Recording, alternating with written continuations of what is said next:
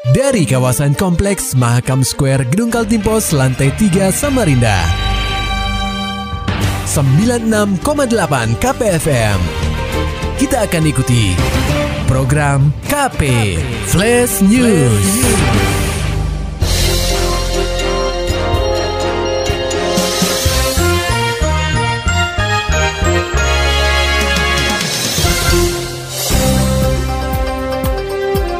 Ikut serta dalam Pilkada Samarinda 2020 paslon petahana wajib, sementara anggota dewan harus mengundurkan diri.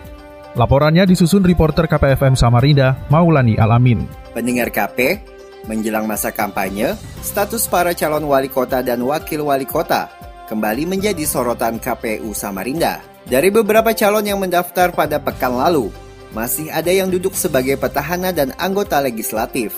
Misalnya, bakal calon wali kota Muhammad Barkati yang berpasangan dengan Darlis Patalongi masih menjabat sebagai wakil wali kota Samarinda. Selain itu, bakal calon wali kota Andi Harun yang maju bersama Rusmadi saat ini juga masih menjabat sebagai wakil ketua DPRD Kaltim. Padahal, saat memasuki masa kampanye, jabatan mereka harus benar-benar ditanggalkan. Ketua KPU Samarinda Firman Hidayat telah mengingatkan yang saat ini masih menjabat dalam parlemen agar segera melampirkan surat pengunduran diri dari instansi yang berkaitan. Jadi untuk e, misalnya kayak anggota dewan itu harus melampirkan surat pernyataan pengunduran diri. Terus e, kalau memang belum ada kan berproses kan surat pernyataan pengunduran diri, terus tanda terima dari instansi terkait dan surat pernyataan dari pejabat di instansi terkait bahwa membenarkan si pemohon sedang mengajukan pengunduran dan saat ini sedang berproses.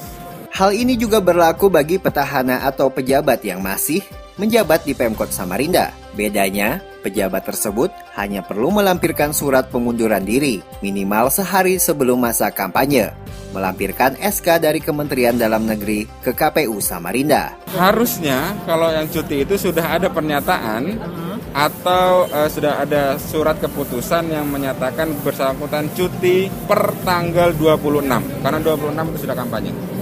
Diinformasikan, penetapan calon wali kota dan wakil wali kota Samarinda dijadwalkan pada 23 September nanti.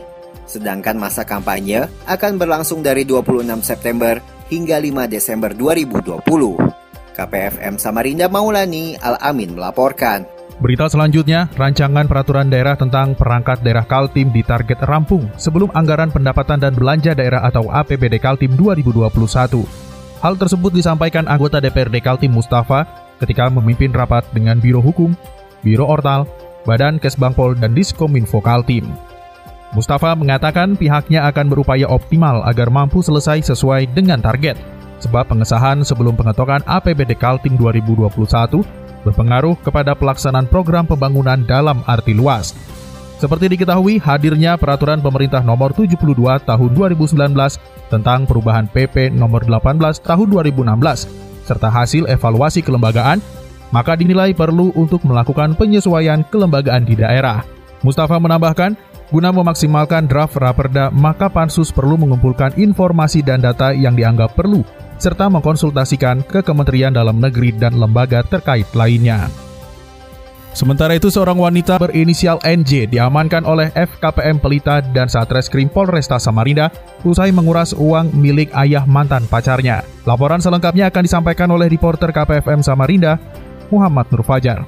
Pendengar KP, kuras uang milik orang tua mantan kekasih sejenisnya. Seorang perempuan berinisial NJ alias Z diamankan oleh jajaran Forum Kemitraan Polisi dan Masyarakat atau FKPM Pelita dan tim Macan Borneo Satreskrim Polresta Samarinda pada Jumat 11 September 2020. Kanit Jatanras Polresta Samarinda, Ibda Dovi Eudi menuturkan, kasus ini bermula saat NJ berpacaran dengan kekasih sama jenisnya berinisial KN. Setelah menjalin asmara selama tiga tahun, NJ memberanikan diri untuk tinggal di rumah kekasihnya ini. Nah, jadi uh, dia kan lesbi. Hmm anaknya korban namanya Kurnia Kurnia Sari kalau nggak salah. Oh, perempuan nah, juga. Nah, dia sudah pacaran sama Z ini sudah tiga tahun. Hmm. Sering tinggal di rumahnya juga. Hmm. Kan sudah punya hubungan yang ini emosional. Ah, ah. Kurnia ini anaknya ini ngasih tahu hmm. power pin ayahnya. Hmm. Si ini.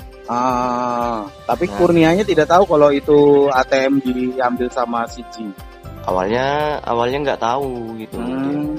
Hmm. Kan, kan ditukar dia ATM-nya, ATM yang sama, ATM mandiri. Dovi menjelaskan, setelah berhasil mengambil alih ATM korban, pelaku kemudian melancarkan aksinya untuk menguras rekening korbannya yang berisi 888 juta rupiah dari hasil menjual tanah. Tercatat sejak periode April sampai Mei 2020, pelaku mengambil uang di rekening korban berkali-kali untuk foya-foya. Uh, digunakan itu untuk pertama beli mobil, hmm. kemudian sepeda motor CBR, hmm. kemudian untuk modif mobilnya juga, hmm. kemudian digunakan untuk bayar kontrakan kurang lebih 20 juta. Hmm. Uh, digunakan juga untuk beli perhiasan beberapa beberapa perhiasan hmm perhiasan untuk pacarnya juga itu mm-hmm.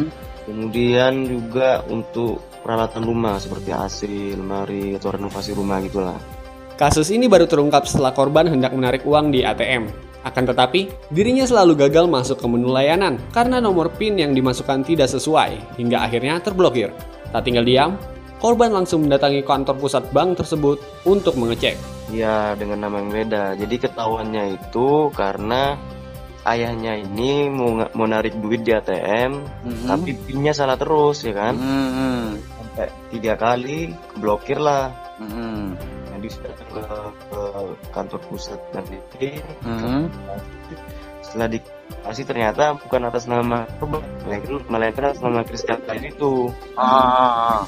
setelah mm-hmm. mulai curiga mm-hmm dan dibuka rekening korannya dan hmm. melaporkan di Polresta Samarinda. Dovi mengatakan, laporan memang sudah masuk sejak bulan Agustus lalu. Namun pihak kepolisian kesulitan untuk menangkap pelaku karena selalu berhasil kabur saat hendak diamankan. NJ berhasil diamankan setelah kekasih barunya membawanya ke FKPM Pelita. Terus jadi ya. kan ini uh, apa diamankan di FKPM Pelita itu karena uh, si tersangka ini mau damai ceritanya. Oh ya. Hmm, mau damai. Kemudian kan uh, informasi ini sudah tersebar di mana-mana atau tentang ah. kartu ATM. Makanya dia mau damai dan juga kita juga bekerja sama dengan FKPM Pelita itu. Makanya ah. bisa dia klarifikasi FKPM Pelita ini langsung hmm. menghubungi kita. Hmm. Hmm. Bisa, bisa itulah kita amankan dia. Hmm. Akibat rekeningnya dikuras oleh pelaku, korban harus mengurungkan niatnya untuk membuka warung. Kini, uang di rekening korban hanya menyisakan 115 juta rupiah. Untuk saat ini, NJ telah dibawa ke Polsek Lokulu untuk penyidikan lebih lanjut, karena seluruh TKP berada di wilayah tersebut. KPFM Samarinda, Muhammad Nur Fajar melaporkan. Pendengar KP, faktor cuaca membuat pengerukan tanah longsor di Jalan Patimura, RT 18, Kelurahan Mangku Palas menjadi terhambat. Hal tersebut disampaikan Kepala UPTD Pemeliharaan Infrastruktur Wilayah 2, Dinas PUPR Pera Provinsi Kaltim Joniansyah. Menurut Joniansyah, pihaknya sedang bekerja keras agar material tanah bisa disingkirkan, sehingga arus lalu lintas bisa kembali normal. Tetapi dalam kurun waktu beberapa hari ke belakang, cuaca kota tepian memang tidak menentu, sehingga menghambat upaya pihaknya. Iya masih progres. Mm -hmm. Berapa hari ini kan juga hujan ada hujan lagi. Iya mm -hmm. hujan deras tuh pak kemarin. Kita upayakan lah kan kita bekerja keras juga maksimal. Mm. Mantu alat sudah sampai terus tiga unit ekskavator itu besar besar tuh kan. Mm -hmm. Nah. Joni sahabat akrabnya menuturkan tiga unit ekskavator sudah disiagakan di sekitar lokasi longsor untuk mengeruk material tanah yang menutup badan jalan. Namun alat berat tersebut tidak bisa beroperasi maksimal jika cuaca kota Samarinda hujan terus-menerus. Dengan alat yang ada kita segera mungkin. Kalau target ini kan kita sudah juga. Hmm. Apa namanya hujan ini nah. Hujan masalahnya ya, masalah utama nih Pak ya. Ya musim hujan ini ya. Maksimal alat kan kalau hujan kurang juga jadinya. Hmm. Kalau kering tanahnya juga kan bagus enak buang-buangnya itu nah. Hmm. Hmm. Ah, ah siap siap siap. kita cuaca juga lah yang anu menentukan ini nah. Kalau alat kerja terus itu.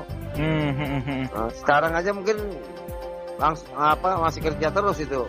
Disinggung mengenai target penyelesaian pengerjaan, Joni belum bisa mengungkapkannya. Tetapi dirinya menjamin jika cuaca selalu cerah dalam kurun waktu satu minggu ke depan, maka pihaknya bisa menyelesaikan pengerjaan secepatnya. Beralih ke dunia olahraga, pendengar KP, para atlet hoki Kaltim dianjurkan berdiam diri di rumah, mengingat penyebaran COVID-19 masih terjadi di benua etam. Begitu yang disampaikan Sekretaris Umum Federasi Hoki Indonesia atau FHI Kaltim Ahmad Daud melalui anggota FHI Kaltim Ino kepada KPFM Senin 14 September 2020. Ino mengatakan atlet diperbolehkan keluar rumah hanya untuk berlatih. Dia menambahkan FI Kaltim memberi aturan ketat kepada atlet, paling utama adalah menerapkan protokol kesehatan. Ino melanjutkan program latihan yang saat ini dilaksanakan tim Hoki Kaltim sudah masuk dalam fase kompetisi. Alhamdulillah, alhamdulillah semuanya sehat. Uh -uh. Uh, uh, karena kita memang juga uh, memberi aturan ya. Uh, mm-hmm. Pertama mungkin tetap kita itu teh tetap uh, mengikuti protokol kesehatan. Mm-hmm.